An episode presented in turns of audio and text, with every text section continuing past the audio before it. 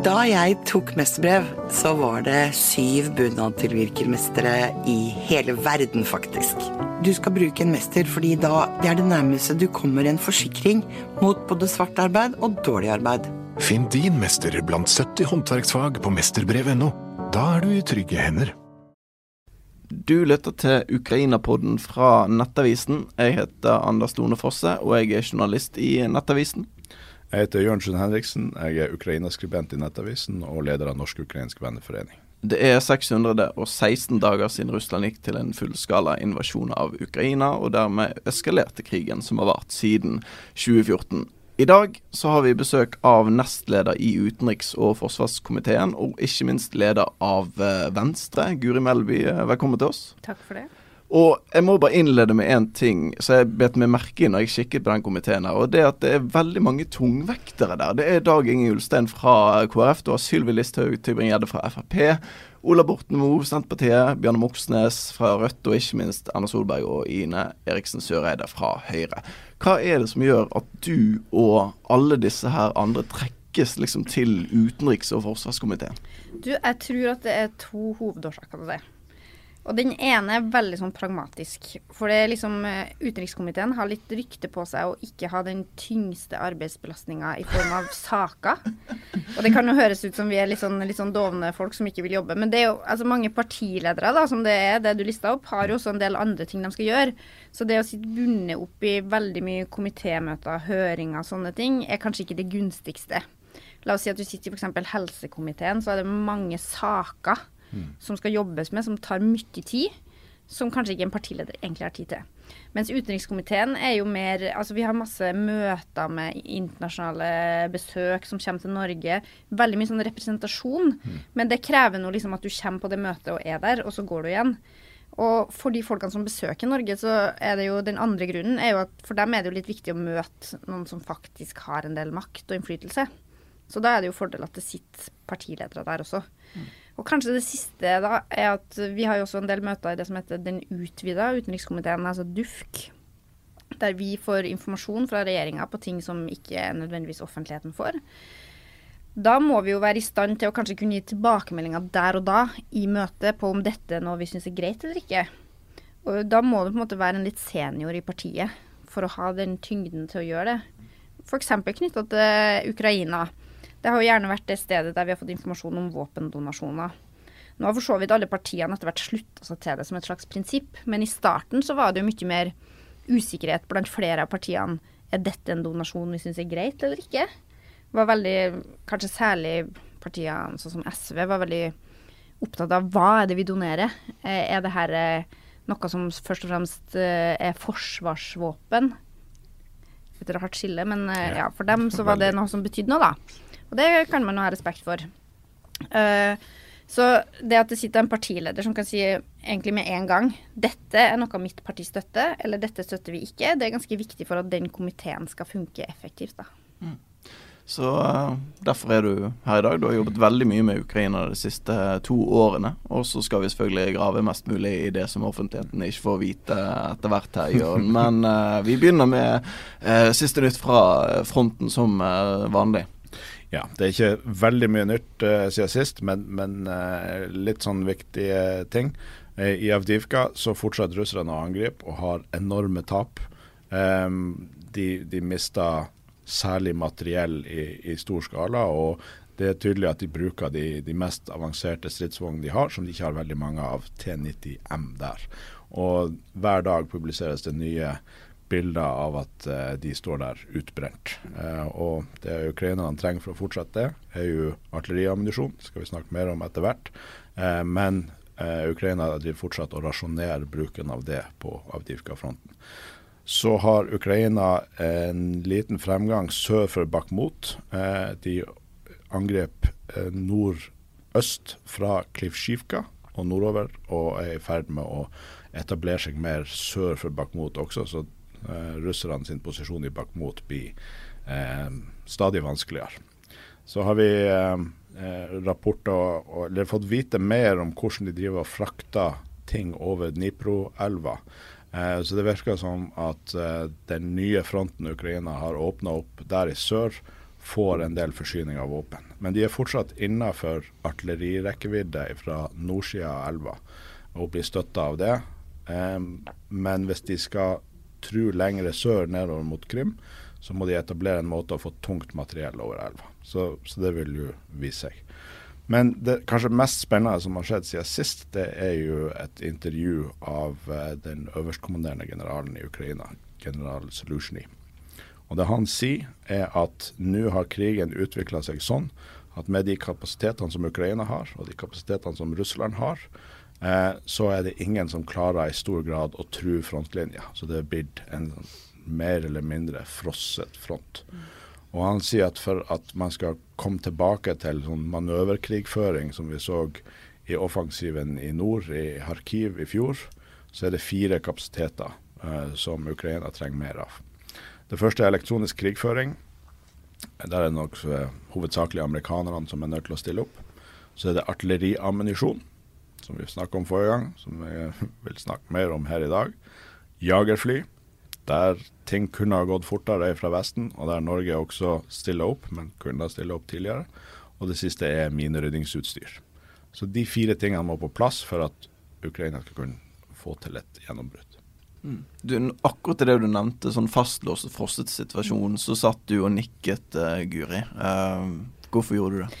Nei, grunnen til at jeg nikka, er jo uh, fordi at for det første syns jeg det var en veldig god redegjørelse, god gjennomgang. Og også fordi at dette er jo det vi har advart mot veldig lenge. Noe av det vi har vært mest redd for at skulle skje. Og som jeg tror at gitt den situasjonen vi nå er i, der russerne ikke greide å overvinne Ukraina med en gang, er det beste de kunne håpe på. Mm. De eneste som tjener på at dette tværer ut, at dette tar lang tid, det er Russland. Fordi eh, de vet også at det er jo det mest effektive Eller i hvert fall det som på sikt da kan bidra til å svekke støtten til Ukraina blant vestlige land. Mm. Fordi eh, helt sånn logisk og fornuftig, så tenker jeg at vi alle vet at det finnes en slags grense for både volum av støtte og hvor langvarig det kan være. Vi vet også at uh, konflikter har en tendens til å på en måte synke litt da, i aktualitet. Det har vi jo sett de uh, siste ja, tre-fire ukene. Uh, så det å greie å holde høyt nok opp på den politiske agendaen i alle europeiske land, som også har en lang rekke andre ting å stri med, både utenriks og innenriks, så er det klart at det her er da Det kan gi en fordel for Russland, som vi ikke ønsker å gi dem, så klart. Så det er egentlig derfor jeg på en måte nikker med, fordi at dette er jo det vi må være ekstremt oppmerksom på. Og også da være veldig lydhør, tenker jeg, da, overfor hva Ukraina sier at de trenger. Ja, og her har vi jo eh, På artilleriammunisjon så er det jo veldig reelt, eh, det du sier, Guri. Det er jo en, det er en slags artillerikrise i hele Vesten. Mm. For da krigen starta, så viste det seg at forhåndslagrene som vi hadde i Vesten på artilleriammunisjon, var altfor små fra før. Vi hadde aldri trodd at vi igjen skulle ha en krig der artilleri kom til å være hovedvirkemidlet. Vi har alltid planlagt for at det var luftmakt som skulle være avgjørende. Mm. Eh, samtidig så har vi bygd ned produksjonskapasiteten siden den kalde krigen var over. Mm. Eh, det er bare fire eh, store artilleriprodusenter i Norge, nei, i Europa, og Norge har én av dem.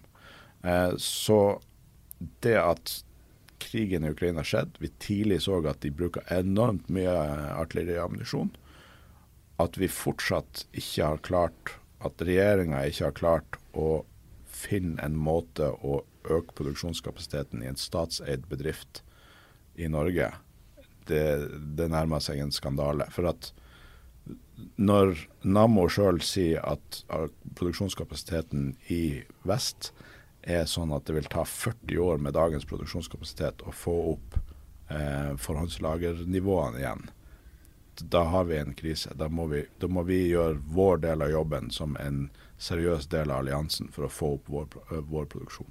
Mm. Ja, for vi vet jo at russerne har jo brukt denne stillstanden da, mm. godt. Eh, de har rusta opp. De har økt sin kapasitet. De har også på en måte forskansa seg mer da, langs den eh, grensa som vi nå ser og sikra sine posisjoner i veldig mye større grad, som betyr at det da vil kreve mer å greie å trenge gjennom dem. Så de har brukt den tida godt, mens vi har brukt den tida til å ja, Norge har gjort en del ting som er bra. Vi har blitt enige om Nansen-programmet. Vi har kommet med en del donasjoner. Men vi har også sløst bort vanvittig mye tid. Eh, vi har brukt veldig mye tid på å tenke og føre litt sånn kanskje du skal si litt sånn ordinære litt sånn um, utredningsprosesser, kan det virke sånn, mm. i stedet for å ta beslutninger. Og sånn som den situasjonen knytta til ammunisjon, da. Eh, Nammo er jo i dag tydelig på at de trenger noe mer håndfast fra staten for å skalere opp. Det her er ikke noe nytt. De sa akkurat det samme i fjor høst. Mm. Og så fikk de noe, men det er ganske åpenbart at det var veldig langt fra nok. Mm. Eh, så hva vi egentlig har gjort nå i løpet av et år på dette området her, det er for meg en gåte, faktisk. Eh, jeg greier ikke å se at det har vært noen slags progresjon i hva den norske stat har gjort, for å enten bidra med direkte støtte, eller bidra med en eller annen form for forsikring til Nammo, slik at de sjøl kan gjøre store nok investeringer. De har investert en del, men eh, investeringa må være utrolig mye større for å få opp det volumet vi trenger. Og jeg tror det ekstra momentet vi må ta med her, det er jo Dette handler åpenbart om Ukrainas frihet, deres kamp for å beholde sitt land og sitt demokrati. Men det handler også om vår egen sikkerhet. Eh, for når vi nå har donert en god del materiell til Ukraina, så betyr det jo at vi på kort sikt er mer sårbare sjøl. Vi trenger å etterfylle våre lager også for å være rusta sjøl. Mm. Og da må vi ha opp den kapasiteten her. I mai så sa jo du at, uh, at du ba Støre gi kampfly til Ukraina. Um, det ble jo nevnt i en bisetning her i sted med kampflyene, men hvorfor er de så viktige? Vi starta vel egentlig allerede i uh, februar-mars å be om det. Vår, altså det vi egentlig har gjort veldig mye i den konflikten her, er jo at vi har lytta veldig til hva Ukraina sjøl sier at de trenger. Eh, fordi jeg mener det må være det som er styrende for hva vi donerer, ikke hva som er enklest for oss å donere, men hva som faktisk er behovet. For de norske donasjonene, da de starta, så uh, må tilgi meg for at jeg ikke kan alle de eksakte navnene på alle former for ammunisjon og missiler også, som vi har donert. Det er ikke min spesialitet. Men de første donasjonene vi hadde, var jo egentlig ting som altså var materiell som vi sjøl har gått bort fra å bruke. Eh, ting som egentlig sto på lager og var nesten litt sånn derre Skal vi destruere det eller ikke?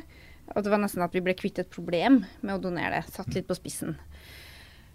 Helt fra Zelenskyj holdt talen sin for Stortinget, så var han veldig spesifikk, og det var vel i fjor vår, mars-april eller noe sånt. Eh, så var han veldig spesifikk på eh, våpensystemer og annen type støtte som Ukraina trengte f.eks. det med luftvern. NASAMS.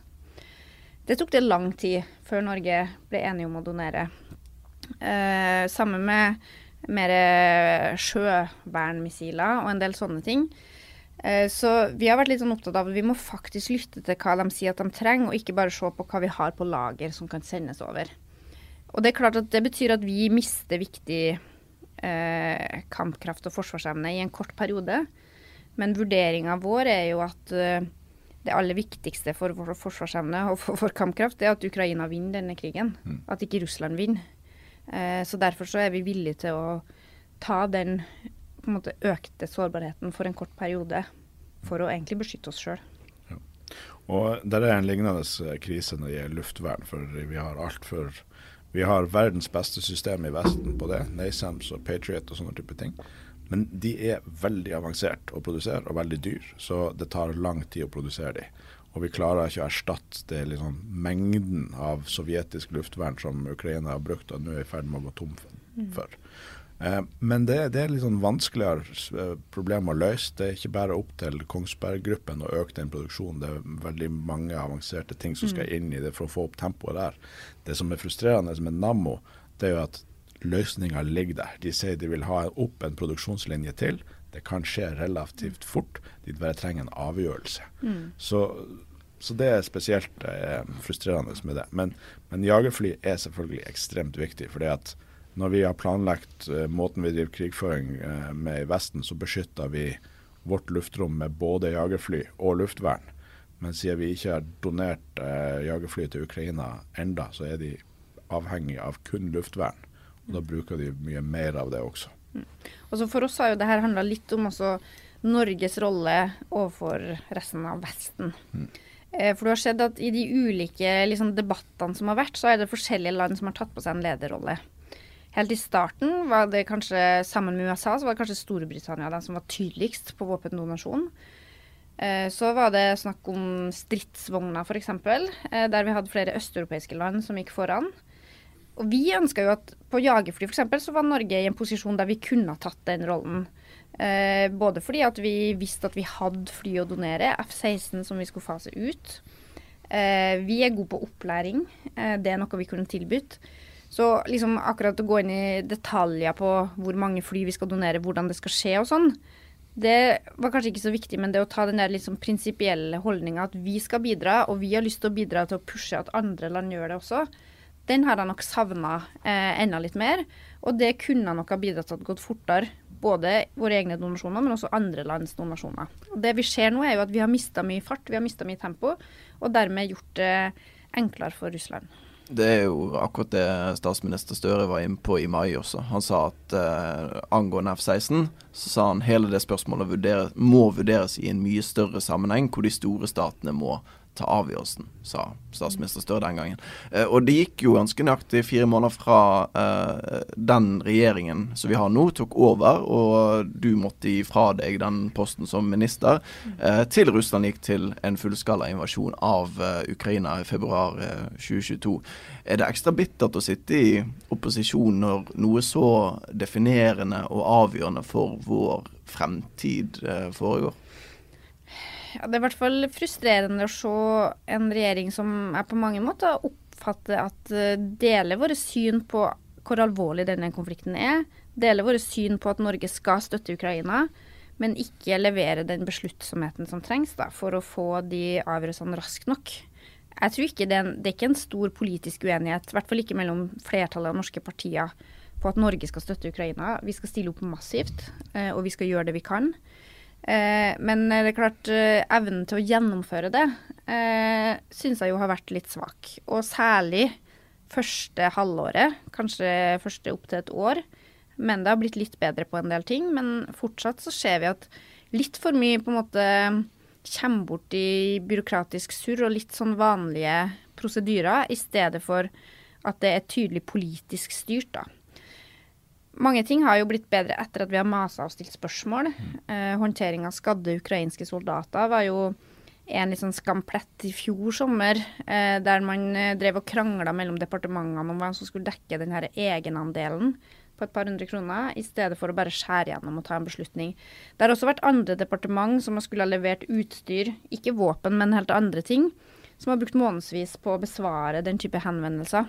Mm. Så det som jeg har følt har mangla hele veien, er en slags sånn krisemodus. Kanskje et lederdepartement. Mm.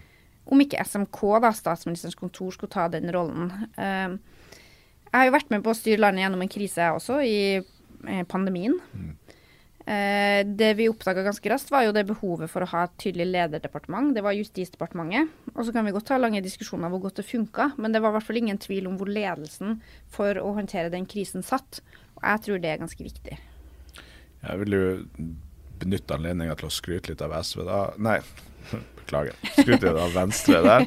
Jeg kan på en måte også skryte av SV for at de har tatt en reise for Nato og alt mulig sånn. Og på en måte våkna opp til, til krisen. Så fint gratulerer til dem. Men det er ikke Venstre syns jeg var veldig tydelig veldig tidlig. Jeg husker eh, du også stilte et spørsmål eh, på Twitter til samfunnet når eh, fullskala invasjon skjedde gi oss innspill til, til, hvordan vi skal posisjonere oss her, hva, hva skal vi mene. Og jeg syns at Venstre i mye større grad enn både regjeringa og resten av politikken skjønte tidlig at det her er, en sånn, her er noen, et veiskille i historien, en viktig historisk hendelse som, som kommer til å bli, stå i historiebøkene i mange tiår fremover. Og at her trengs det et annet tempo.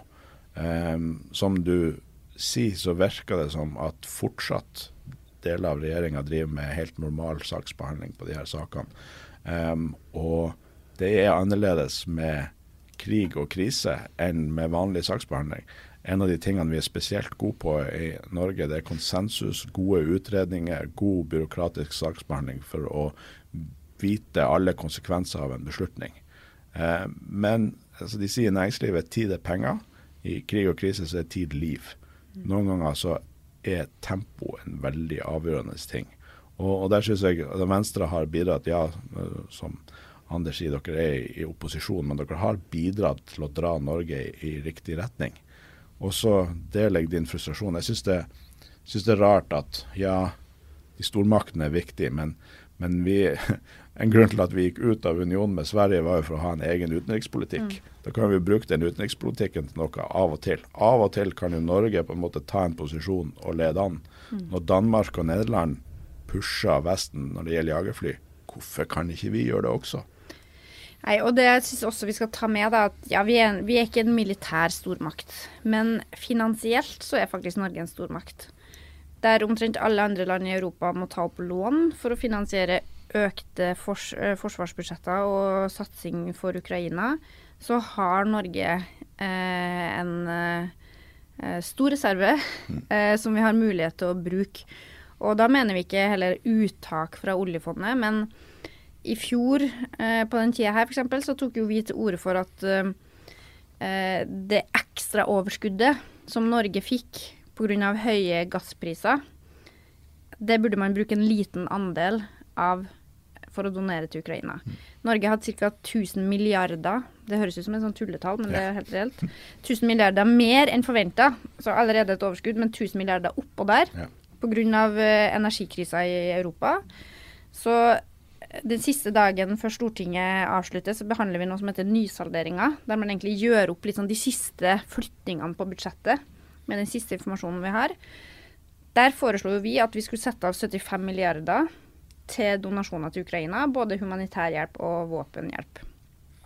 Det ble jo litt sånn latterliggjort av de andre partiene. Men tre måneder etterpå så fikk vi jo Nansen-programmet med 75 milliarder. Riktignok over fem år, men det er i hvert fall en veldig god start. Så for meg så forteller det jo egentlig eh, to ting. For det første at man er ikke villig til å se på ekstraordinære muligheter Norge har pga. vår finansielle situasjon. Men for det andre at et parti som sitter i opposisjon, faktisk kan ha litt makt. da. Og faktisk kan få litt innflytelse. Og jeg er ganske stolt over at vi har brukt den rollen. Vi har fått en del kjeft og tyn for det. Mm. Eh, men jeg står for det, i hvert fall når resultatet er at Norge nå er blant de landene som donerer mest. Eh, så vi kan godt være frustrert over at vi ikke gjør enda mer. Men vi har gått fra å være blant dem som donerer minst, til å være blant dem som donerer mest. Og det er jeg veldig stolt over.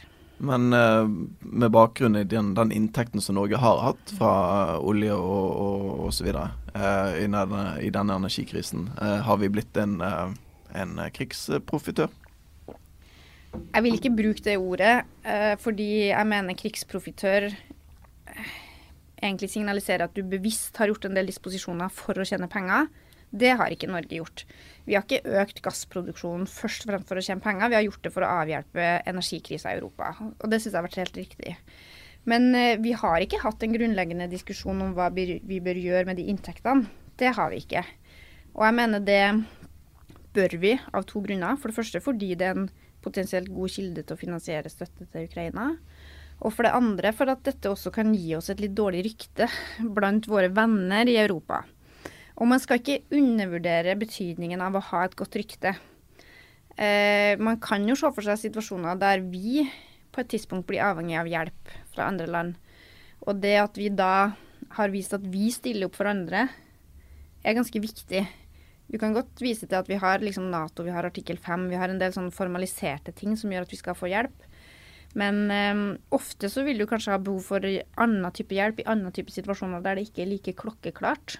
Så det å ha gode allianser, det å vise at du på en måte alltid står på riktig side av historien og gjør ditt beste da, i en vanskelig situasjon, det er viktig for alle land, særlig for små nasjoner som Norge. Vi har fått et lytterspørsmål fra Truls, eh, som eh, altså, i anledning at du var kunnskapsminister for ikke så altfor lenge siden, så skriver han eh, at eh, Øst-Ukraina de har nå levd under krig i ti år, eh, i det og Truls kaller for et maktspill mellom øst og vest. Eh, og så skriver han videre eh, Ukraina har også opplevd eh, store lidelser. Befolkningen i en millionby som Donetsk har nå i flere år hatt mangelfull eh, tilgang på vann og elektrisitet. Og barn får ikke gå på skole pga. at byen er blitt eh, beskutt nesten daglig. og Ifølge eh, sjekket litt opp i tall, altså ifølge Unicef så er det bare rundt en tredjedel av barna i Ukraina som møter opp i fysiske klasserom. Resten er nødt til å gjennomføre skole delvis eller helt på nettet. Og så kommer spørsmålet fra Truls. Eh, hadde det ikke vært bedre for alle parter om vi gikk inn for en ordning hvor befolkningen i Øst-Ukraina fikk bestemme over sin egen fremtid, f.eks. gjennom en folkeavstemning? Og da mener jeg ikke den avstemningen som ble gjennomført i disse regionene for en stund tilbake, men en ny demokratisk avstemning med nøytrale observatører. Eh, og så til, til slutt så skriver han i Norge skal vi stå opp eh, mot urettferdighet og overgrep, men isolert sett er det vel likegyldig for de fleste av oss i Norge om Donbas-Krim er ukrainsk, russisk eller uavhengig. Venstre er et demokratisk parti, og lokalt folkedemokrati i Øst-Ukraina er vel en mer bærekraftig løsning enn bomber og granater. Langt spørsmål er, og vanskelig spørsmål eh, mm. går ut fra, Guri, men eh, hva tenker du? Nå tenker jeg at det er vel ikke vår jobb å definere hvordan Ukraina skal forvalte sitt demokrati. Eh, det som er viktig, er at Ukraina er et fritt og selvstendig land.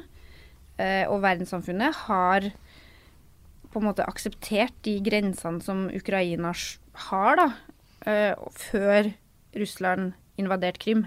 Det er liksom viktig å ha med seg. Så dersom noen skal bestemme at det skal avholdes folkeavstemninger et sted, så må det være de ukrainske myndighetene. Hvis de mener det er riktig, så er det for så vidt ikke noe vi blander oss opp i. Men det er ikke noe Norge eller andre europeiske land skal ha en formening om. Mens hvis f.eks. Russland står bak en sånn folkeavstemning, så vil jeg jo mene at det ikke er legitimt. Eh, men det er klart, eh, hvordan da Ukraina sjøl forvalter sitt demokrati, er liksom deres sak. Det ville jo, altså Vi har jo noen gang, det er kanskje litt sånn søkt sammenligning, men sagt La oss si at det hadde vært en invasjon i Finnmark, da. Og så hadde noen kommet og fortalt nå bør dere ha en folkeavstemning i Finnmark for om de vil være en del av Norge eller ikke, vil ikke være legitimt. Mens det er jo mange land som har interne diskusjoner om f.eks. grad av selvstendighet. Det har man sett mye i Spania f.eks. Der har det for så vidt vært vedtak som har blitt uh, sett på som illegitime av staten. Men det er jo noe helt annet enn at det her blir pusha fram som en del av en invasjon. Mm. Så det som har vært vårt prinsipp hele tida, at vi skal ikke si Altså, det er ikke vi som uh, definerer hva som er riktig utfall i noe av det her. Noen har jo spurt ja, er, det liksom, er det realistisk at Ukraina kan ta tilbake Krym, f.eks. Er det et kriterium for å si at krigen er vunnet? Det er ikke vår beslutning. Det skal være Ukrainas beslutning. Og hva de til slutt mener på en måte kan aksepteres da, i noen form for fredsforhandlinger, det får være deres sak vi skal støtte dem så langt vi kan. Så vil jeg jo si at flere av de parametrene han drar opp i det spørsmålet, er, er Noen av de er, uriktige, og noen av de er litt selektive. Eh, F.eks. det at eh, Donetsk by eh, angripes daglig. Det stemmer ikke. Der er en russisk misinformasjon der ute om at Ukraina drev og skutt artilleri inn på sivilbefolkninga i Donetsk. Det stemmer ikke. Det, det, og, og det her er ikke en sånn her eh, de. Det, det er et uh, faktum at det ikke har skjedd. Ukraina angriper ikke sin sivilbefolkning. Etter en fullskala invasjon så har det vært flere angrep mot militære mål i Donetsk, eh, som selvfølgelig også går utover sivilbefolkninga. Men der bruker de stormskjær og, og sånne type våpen som faktisk treffer det de sikter på.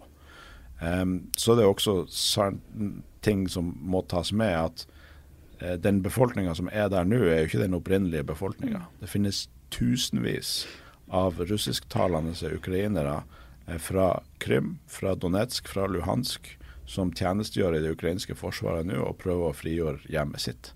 Um, og russerne, særlig på Krim, men også de andre områdene, har flytta inn bosettere som er russisk befolkning. Eh, de har reklamert for at det er masse gratis eiendommer som står klar som bare å flytte inn på. Lurer på hvorfor det? Jo, det er fordi at ukrainerne har rømt derifra. De vil ikke ville levd under okkupasjonsmyndighetene som, som er en slags nordkoreansk stil eh, politistat med mafia som, som styrer. Sånn at eh, ja, å gjennomføre en folkeavstemning der nå vil være på tvers av alle typer demokratiske prinsipper. Mm. Og så tror jeg jo altså heller også prinsippet med at uh, du får fred og ro en sted hvis du aksepterer liksom okkupasjonsmakta, uh, er jo et, også et prinsipp jeg vil bestride, da. Og det ser vi også veldig mange eksempler på.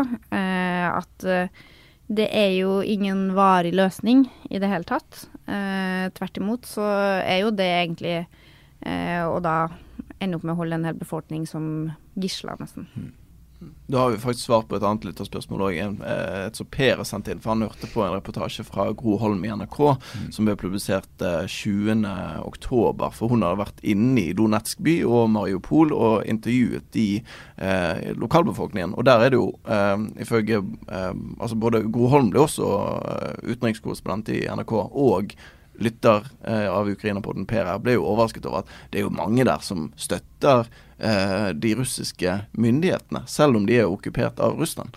Um, og um, så, så, å si alle Gro Holm traff på, støttet jo um, russi, den russiske okkupanten. Men uh, det for så vidt den lytteren hopper over litt i uh, spørsmålet til oss, er jo det at uh, hun sier jo at mange har eh, flyktet. Og hun snakker til og med med én familie som Ja, de har ikke flyktet, men de skal flykte neste uke. Altså de er på vei ut av Donetsk mm. og eh, fylket fordi at det, de, de, er, de, føler seg ukrainske. Mm. Og derfor har ikke de lyst til å, å være der. Som folkeavstemning er veien å gå, er jo eh, ja, kanskje ikke ja. riktig. Og Det som også er underkommunisert, er hvor mye politiske motstandere og talspersoner og eh, Ukraina-lojale folk som har blitt i de områdene som har forsvunnet. Mm. Både som har blitt funnet drept, men også som bare rett og slett har forsvunnet. Sånn at eh, når det kommer Hvis, hvis jeg har levd eh, som eh, ja, en, en, ukrainsk borger som føler meg ukrainsk og fått et utenlandsk TV-team på besøk, så er det ikke sikkert at jeg ville vært helt ærlig i det intervjuet, for det kan kanskje gå utover min forventa levetid. Mm. Men det her viser jo også den type strategier og måten denne type stormakter, da, autoritære stormakter som Russland er, måten de jobber på. Eh, med både da på en måte krig, okkupasjon, men også da bosettingspolitikk, ikke sant. Mm. Alle har jo hørt det begrepet knytta til Israel-Midtøsten-konflikten. Det er akkurat det samme som skjer her. Eh, det samme, vi, altså, det samme så vi da Fastlandskina ønska å ta mer og mer makt over Hongkong, f.eks. Mm. Massiv overflytting av mennesker rett og slett. Eh, så det er jo den mest effektive måten å ta over et sted på. Er jo egentlig fortrenge dem som egentlig bor der. Samme har Marokko gjort i Vest-Sahara, en konflikt som også Venstre har veldig bra eh, politikk på. Men så må vi jo også vi må jo nevne at det finnes selvfølgelig eh, mennesker i det området her som, som faktisk mener de her tingene. Eh, det gjør det jo. Mm. Eh, men at de er et, det er ingenting som tyder på at de er et flertall. Og så er det jo sånn at eh, i regulære demokratiske spilleregler, hvis du ønsker, hvis du bor i Ukraina og ønsker at den delen av Ukraina skal være en del av Russland, så bruker du politiske prosesser og valg for å oppnå det. Mm. Ikke en russisk etterretningsoperasjon som dreper alle som er uenige med deg, og så kommer med militærmakt. Så, så hvis man skulle ha akseptert en sånn her type folkeavstemning og endra grensen pga. det, så har jeg sett en veldig farlig president som på en måte inviterer Russland til å gjøre det flere plasser i fremtida. Det her har jo vært en spenning i Ukraina de siste 10-20 årene. ikke sant? Den der, eh, vekslinga mellom å gå i mer Russland-vennlig retning kontra å gå i mer europeisk-vennlig retning. Og Der har det jo også vært en tydelig geografisk fordeling innad i Ukraina. Der det naturlig nok har vært de områdene som er nærmest Russland, fysisk sett, som jo gjerne har vært mer russisk positiv. Og det er klart at for mange av befolkninga som lever på grensa her, så har de jo kanskje oppfatta at de har et slags kulturelt fellesskap som de kanskje ikke vil definere som enten russisk eller ukrainsk, men som er på en måte deres fellesskap. da. Mm. Uh, mens i en konflikt som nå, så blir jo dette satt veldig på spissen, og du blir liksom tvunget til å velge side, da. Så der de før egentlig kanskje levde helt greit med litt sånn flytende, uh, så gjør de ikke det lenger. De blir tvunget til å velge side. Både Arild og Jon eh, de har spurt på vår Facebook-side hva er målet med støtten og innsatsen fra Norge og Nato i Ukraina. Er målet å frigjøre alle ukrainske områder, inkludert Krym? Og eh, så legger Are til at det ulne svaret fra Støre er at Norge skal bidra så lenge Ukraina ønsker det. Men det er vel kanskje det som er svaret på det? Ja, jeg er enig med Støre i det svaret, og jeg syns det er riktig svar å gi. Som jeg sa tidligere, jeg syns ikke vi skal definere hva som er hva er en seier, hva er det man kan akseptere. Eh, vi støtter Ukraina, som er et fritt, selvstendig, demokratisk land. Eh, backer dem med det vi har en mulighet til å gjøre. Eh, og så får vi egentlig ta det litt derifra, da. Eh, og Vi har sagt at vi har en forpliktelse på fem år. Norge skal donere 75 milliarder. Vi har sagt at det må være minst 75 milliarder. Da. Det skal være et gulv og ikke et tak. Over fem år. Det er en ganske klar forpliktelse. Noe sånt har vi aldri gjort før. Um, og det tror jeg er et ganske viktig signal å sende også overfor Russland og overfor Putin. Og jeg håper også at andre vestlige land kan komme med den type langvarige forpliktelser. Skal jeg uh, være litt sånn uh, Bruke litt sånn romantisk komediebegrep. Ja, Venstre og, og regjeringa sier på en måte det, det samme, men det, det, er ikke alltid det du sier, men måten du sier det på. Eh, og, og der vil jeg si at Venstre er mye tydeligere eh, på det som også har vært et litt sånn her skille i Vesten. Eh, Biden og USA var veldig tydelige i begynnelsen og var, liksom, dro hele alliansen i riktig retning. Men så har det, de bremsa opp litt og har på en måte, i hvert fall inntil nylig, den talen han holdt, der han holdt tale til nasjonen om både Midtøsten og Ukraina, så var det første gangen han på en måte gikk i retning av å si at Ukraina skal vinne krigen. Eh, før det så er det på en måte Storbritannia, Nederland, Danmark og store deler av Øst-Europa som har sagt at Ukraina må vinne krigen. Mens resten har vært litt sånn vi må passe på at Ukraina ikke taper. Mm. Og det tenker jeg i hvert fall Nå er jeg jo veldig tydelig hvor jeg står, men, men som Guri sier, det er ikke vi som skal definere hva en seier er. Men vi, vi, har en moralsk forpliktelse, mener jeg, som liberale demokrati, som skal støtte et liberalt demokrati som er under angrep, og gjøre de i stand til å vinne. Og da er det de sjøl som må definere hva en seier er. Men det jeg gjerne utfordrer Støre på, er jo hva slags rolle han ser at Norge skal ta framover. Eh, for eh, altså det er jo veldig store muligheter for at USA velger å ta en litt annen rolle framover. Nesten uansett eh, Altså Uansett uh, hvem som blir president. Altså, det er mange grunner til at USA ønsker å nedskalere sin støtte til Ukraina, fordi de har en del andre bekymringer de trenger å ta seg av, både innenriks og utenriks. Eh, og det å diskutere hva er det Norge skal gjøre for å sikre at Europa henger sammen i det her, hva kan være vårt bidrag, eh, det tenker jeg er den viktigste jobben for Støre nå. da. ikke bare si at vi er med, men hva slags rolle skal vi ta. Og tempo. Mm. Tempo er viktig.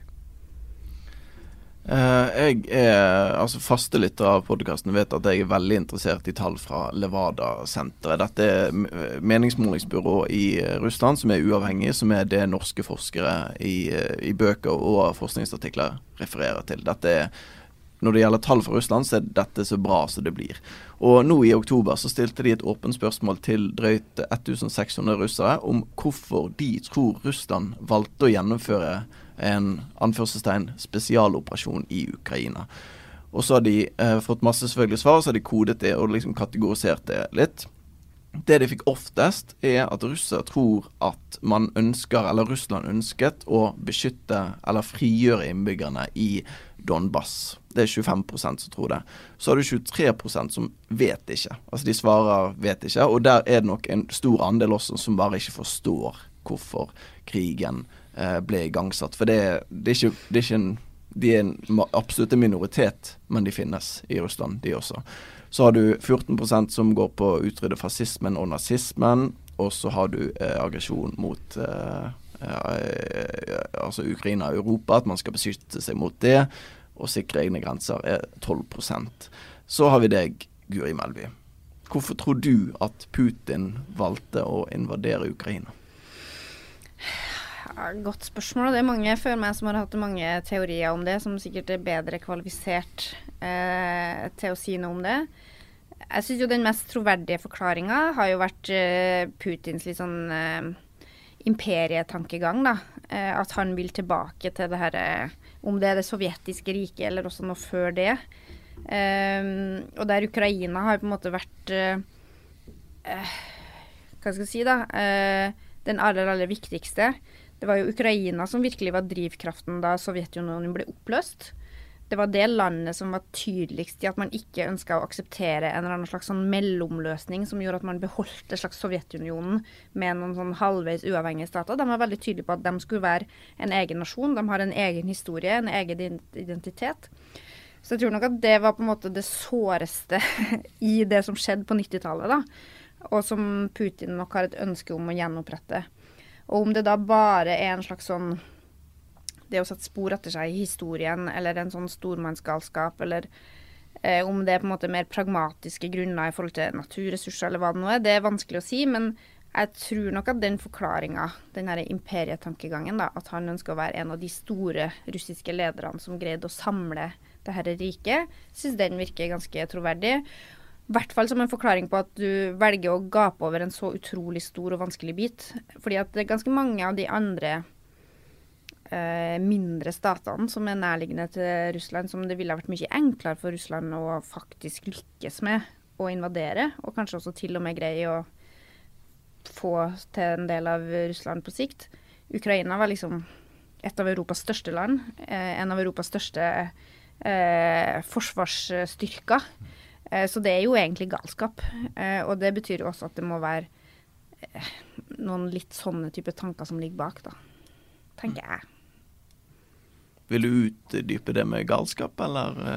Altså, jeg skal ikke sette noe fjerndiagnose på Putin. Men det er ganske mange forskere som Altså, rett før invasjonen så hadde jeg ganske tett kontakt med flere forskere som fulgte situasjonen nøye.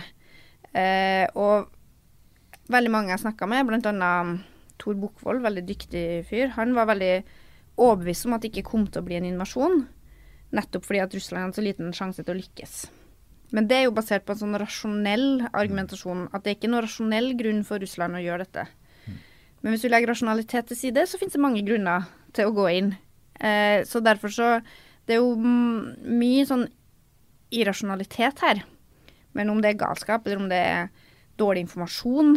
Eh, det å være omgitt av mennesker som ikke forteller deg sannheten, f.eks. om både eget forsvar og motstand i Ukraina. Sånne ting gjør jo at du fatter dårlige beslutninger som leder. Veldig interessant eh, spørsmål. Og, og, og, som du sier, det er umulig å vite sannheten. Det kan være en, en blanding av, av, flere ting. Men det vi vet, er jo at eh, et problem som Russland har med de her omfattende eh, misinformasjonskampanjene de driver med, er at de rammer jo dem sjøl òg. Mm. På, på, et eller annet tidspunkt når du produserer eh, falske narrativ hele tida, så, så, får det spredning i egen befolkning også. Så det er godt mulig at både Putin, lederskapet, eliten og befolkninga etter hvert begynner å tro på at Russland sin hær er på styrke med USA sin, og veldig fort begynner å sterkt overvurdere egen militær kapasitet og undervurdere Ukraina sin både vilje og evne til å slåss. Og Det så vi også under koronapandemien. Ekstremt mye av misinformasjon mm. om korona eh, og, og, og, vaksine ble produsert i Russland fordi at de liker å destabilisere demokrati og, og svekke tilliten i samfunnene våre. Men de ble ramma av det sjøl òg, og fikk en veldig stor vaksineskepsis i Russland. Mm. fordi at misinformasjonen deres ramma. Altså det er også et selvskudd når de holder på sånn. Kan godt hende også at jeg tror på denne nazihistorien sin også etter hvert, om at det, det er faktisk nazister i uh, Ukraina. For det, det, hadde jeg jo snakket om i ti år. Altså Når Zelenskyj var standup-komiker for uh, ni år siden, så fortalte han jo vitser om dette her. Ja. Om at uh, Russland trodde at alle i Ukraina var nazister. Og så sitter det en, sitter en ukrainsk forsamling der og ler fordi at det er så absurd. Um, de, de, de, sliter samtidig med å legge merke til sine egne Wagner-soldater som tatoverer naziuniformer på kroppen sin. Så ja, det er, der er, veldig mye rart når man begynner å, å grave inn i informasjonsvepsebolet som er Russland. Mm. Vi eh, skal snart eh, runde av, her, Guri, men eh, jeg lurer på én ting. og det er at Nå har du jobbet med Ukraina-saker i et par år. Mm. og Hva er det viktigste du har lært i løpet av denne tiden? Ja, det er jo et svært spørsmål. Eh, altså Det at eh, Russland på en måte skulle gjøre noe knytta til Ukraina, en eller annen form for ja, et forsøk på en måte kontrollere i større grad, det var nok ikke så overraskende for mange. Men den måten det skjedde på, var jo veldig overraskende for mange. Så det jeg tror vi har lært sånn generelt, er at det å forutse hva som blir neste krig, forutse hva som er det neste som rammer oss, det er helt umulig. Eh, altså Sammenligna med også eh, Hamas i terrorangrep mot Israel 7.10. Jeg tror ingen som er overraska over at det kom et terrorangrep fra Hamas, men måten det skjedde på, størrelsen, gjennomslagskraften, var mange overraska over. Eh, så det betyr jo at når vi skal beskytte oss sjøl og resten av Europa, demokratiet vårt, så må vi være mye flinkere til å tenke bredt på hva det er som rammer oss. Eh, og ikke være for opphengt i det som skjedde sist gang, da. Mm. Eh, Norge har jo Altså, vi har jo prøvd å bygge relasjoner med Russland som eh, der vi har på en måte forutsatt at de er en slags sånn rasjonell aktør. Eh, bygge næringsforbindelser, eh, politiske og diplomatiske forbindelser. Det har jo brutt sammen veldig mye av det. Og det er vanskelig å se for seg at det skal gjenoppbygges på samme vis, da. Når Russland egentlig vi kan, Om vi skal si at de har vist sitt sanne ansikt eller ikke, de har i hvert fall vist hva de er i stand til å gjøre. Uh, så det dette i hvert fall har gjort, er at det har endra vårt forhold til Russland for i hvert fall for min levetid, jeg er ganske sikker på. Og det vil ha ganske store konsekvenser for næringsliv, eh, satsing på forsvar, beredskap og en lang rekke andre ting som, som, jeg tror kommer til å dominere det jeg skal jobbe med politisk, mye mer enn jeg trodde eh, da jeg gikk inn på Stortinget høsten 2021.